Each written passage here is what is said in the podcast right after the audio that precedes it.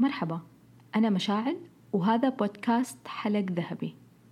قبل ما نبدأ أحب أوضح لكم نقطة مرة مهمة. اسم البودكاست ما وراء أي فلسفة عميقة. كل الحكاية إني إذا كنت بكتب شيء فيه فلسفة غالبا أحب ألبس حلق ذهبي.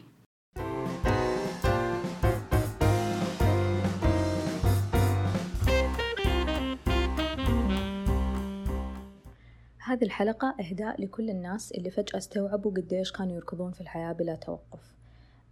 هي ليست مجرد حلطمة.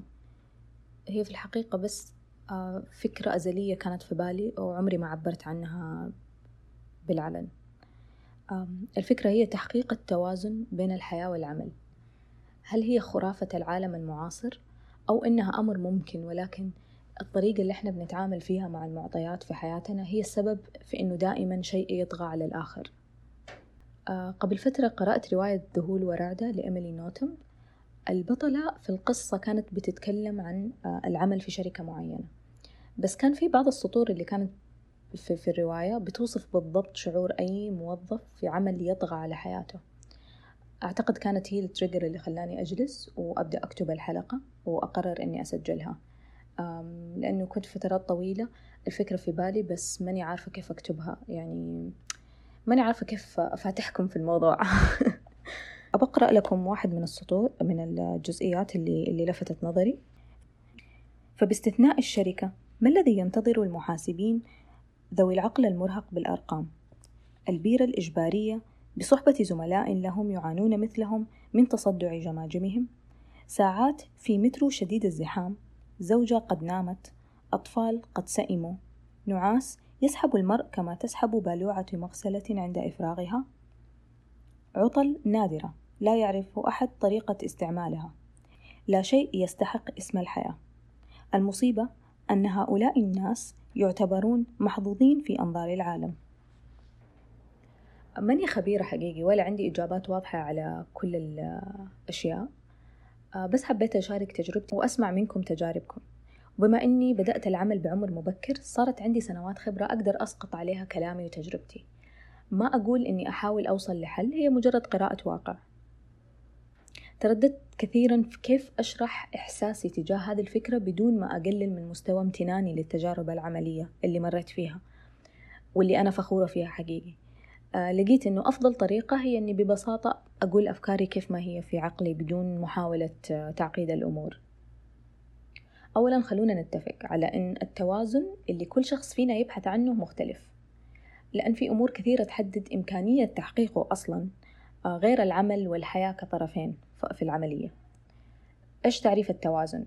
أو بمعنى أصح إيش التوازن اللي أنا أقصده وأسعى له وأبحث عنه؟ إني أكون منتجة آه، موظفة منتجة أحقق طموحي وبنفس الوقت يكون عندي حياة شخصية التزاماتي الأساسية فيها ماني مقصرة فيها. كلام جميل صح؟ طيب نجي للنقطة المهمة. وقت ما أنت تكون إنسان طموح أنت دائما كذلك. ما راح تتغير فجأة أو تكتفي أو تقول خلاص أركز في حياتي العائلية والشخصية إلا وما تبحث لك عن شغف ثاني طموحك يقودك باتجاهه. طيب ممكن أحد فيكم يقول طيب يعني كيف كيف ما انت قادرة تحققي هذا الكلام؟ لأنه يبدو إنه هو سهل لما أنت تجي كذا تكتبه في سطر. اللي اشتغل في شركة كبيرة أو ايجنسي آه، في مجال إبداعي وخاصة المجال المرتبط بمواقع التواصل الاجتماعي يفهم كيف إنه وقت ما أنت تبدأ مشروع أحيانا كثيرا أحيانا كثيرة يكون ال deadline صغير أو قصير لدرجة أنه يومك كله أو أسبوعك كله يتمحور حول هذا المشروع. لا, لا أقل ولا أكثر. أصلا ما في وقت لأي شيء ثاني. هذا الشيء خلاني أستوعب السرعة اللي, اللي يعيشها العالم اليوم. مواقع التواصل الاجتماعي ما, ما تسكت أبدا. كنا نشتغل زمان على deadline معقول وإن كان ضيق لكن كان مقدور عليه. آه، إذا أعطيناه وقتنا ممكن ليل نهار نشتغل عليه صحيح لكن يكون عندنا فترات نرتاح فيها. آه، لكن حاليا ال clients اللي نشتغل معاهم صار عندهم expectations عالية. ال deadlines صارت أقصر. باستمرار يبغون شغلهم بسرعة. يتوقعون منك دائما شايف كل شيء ومصحصح للي جمهورك قاعد يقوله. آه، دائما أنت متواجد تنتظر الفرصة بين قوسين. اللي كل أحد ينتظرها عشان يوصل للناس ويصير فايرل آه، وهكذا. كل هذا كيف ممكن تسويه بدون ما يتداخل مع حياتك الشخصية؟ آه، خاصة أن العالم يركض أونلاين ولا يهدأ. وإذا بتكون حاضر في حديث الناس لازم تكون فاهم وموجود ومطلع وتكون شايف الترند قبل ما يجي ال client يرسل لك إياه يقول لك في هذا الترند لأنه بشكل ما بيكون شيء سلبي لما ال client هو بنفسه اللي يبعث لك يقول لك طيب هل أقدر إنه في أقول إنه في خلل معين؟ مين اللي رفع ال expectations هل ال client صار demanding ولا ال industry المجال العمل كله صاير متطلب بزيادة؟ وهل فعلا إنه ال work structure المنظومة الحالية طريقة العمل الحالية هل هي فعلا تتناسب مع التغيرات اللي قاعدة تصير في المجال؟ ولا هل إنه المجال صار يحتاج أشخاص أكثر أو يحتاج أدوات متطورة أكثر عشان تقدر تراقب أو تفهم إيش قاعد يصير في مواقع التواصل الاجتماعي؟ لأنه صاير الموضوع مش حاجة يقدر شخص واحد يسويها. يعني ما في شخص يقدر يمسك حساب معين ويشتغل عليه من إلى زي أول. آه، هذا الشيء من واقع تجربة أشوف إنه إنه حاجة غير معقولة وغير مقدور عليها. إذا أحد يبغى يكون leading في المجال ما يبغى بس يكون شخص يحط كم post وخلاص يعني يكون متواجد كإثبات حضور لا أقل ولا أكثر. وهل فعلا في شيء اسمه فرصة وضاعت؟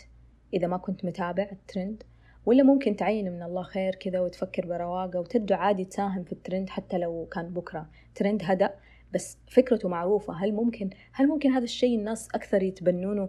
ال brands أو أو المواقع اللي, اللي تصنع محتوى ممكن تتبنى إنه أنت ممكن تشارك في الترند مو لازم تكون يعني متأخر وهكذا؟ بعد كل بعد كل هذا الشرح اللي قلت لكم إياه عن طبيعة العمل، الإحساس اللي وصلني خلال سنوات العمل إنك إذا تبغى تكون إنسان ناجح اسمك في مجالك يذكر كشخص يحتذى فيه لازم تكون حاضر دائما وكأنك ماكينة لا تهدأ. هنا ندخل في متلازمة الإنسان الطموح اللي تبدأ من جملة أتعب شوية وأرتاح بعدين بس في الأخير هذه البعدين عمرها ما تجي. لأنه زي ما قلت سابقا إنه وانس ما أنت طموح دائما تطلب أكثر وأكثر وأكثر. وكل ما قدمت شيء وكان ممتاز تحتاج في في المرة اللي بعدها تتفوق على نفسك في حاجة أروع أو أحلى أو أفضل ولا بتعتبر كأنك في مكانك. سمعت قبل كذا حقيقي من شخص كان بيقول لي أنت ما صرتي تتحدين نفسك. كل يعني هذه جملته ما ما كنت أشوفها عادلة في في في حقي لأنه أنا كنت يعني بأدفع نفسي لأقصى حد في مراحل عشان المشروع اللي نشتغل عليه كبير ويتطلب هذا الشيء. بس مو معناته لما أنا أرجع لل normal وبسوي مهامي بحسب مقدرتي اليومية معناته إن أنا ما صرت أتحدى نفسي. عشان كذا برجع أقول يمكن ال structure حق الشغل اللي إحنا الآن بنشتغل فيه يحتاج إنه يتطور زي ما ال industry كلها قاعدة تتطور. في الأخير الدوام بياخذ الوقت والمهام الوظيفية بتسحب الطاقة وساعات الع... ساعات اليوم لحد ما يبقى شيء في بطاريتنا. أي شيء يسمح إنه إحنا نعيش حياة أو يكون عندنا حياة اجتماعية أو أو نسوي حاجة لينا إحنا. يعني مراحل كثيرة كنت أتذكر يجي أجي في الليل وأنا مرهقة جدا ما في حتى ما في حتى أقعد كذا وأشرب قهوة وأتكلم ما في ما في طاقة. أو إنه يكون عندي ضغط إنه أنا بكرة عندي مشروع راح أبدأه فأضطر من اليوم أفكر لأنه ال deadline قصير إذا ما بدأت اليوم أفكر ما راح أقدر أسلم on time هل هل في فترات من حياتكم حسيتوا إنه كان لازم تختاروا بين العمل أو الحياة؟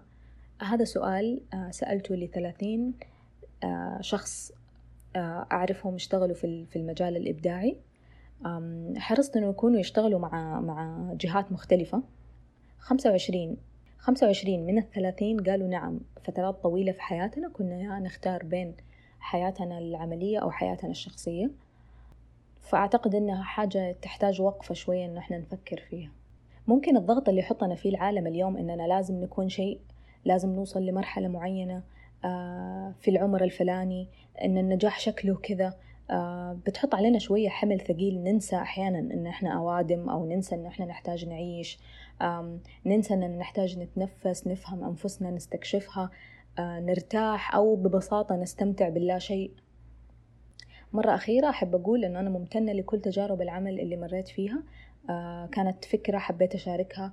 معاكم أشوف ممكن أحد عنده tips ولا tricks تخلي الحياة أسهل وتخلي إمكانية التوازن حقيقية. وقبل ما أقول لكم تصبحون على خير تذكرت كلام جدتي. كل ما قلت لها أخلص شغلي وأجيكي كانت تقول لي ومن متى الشغل يخلص؟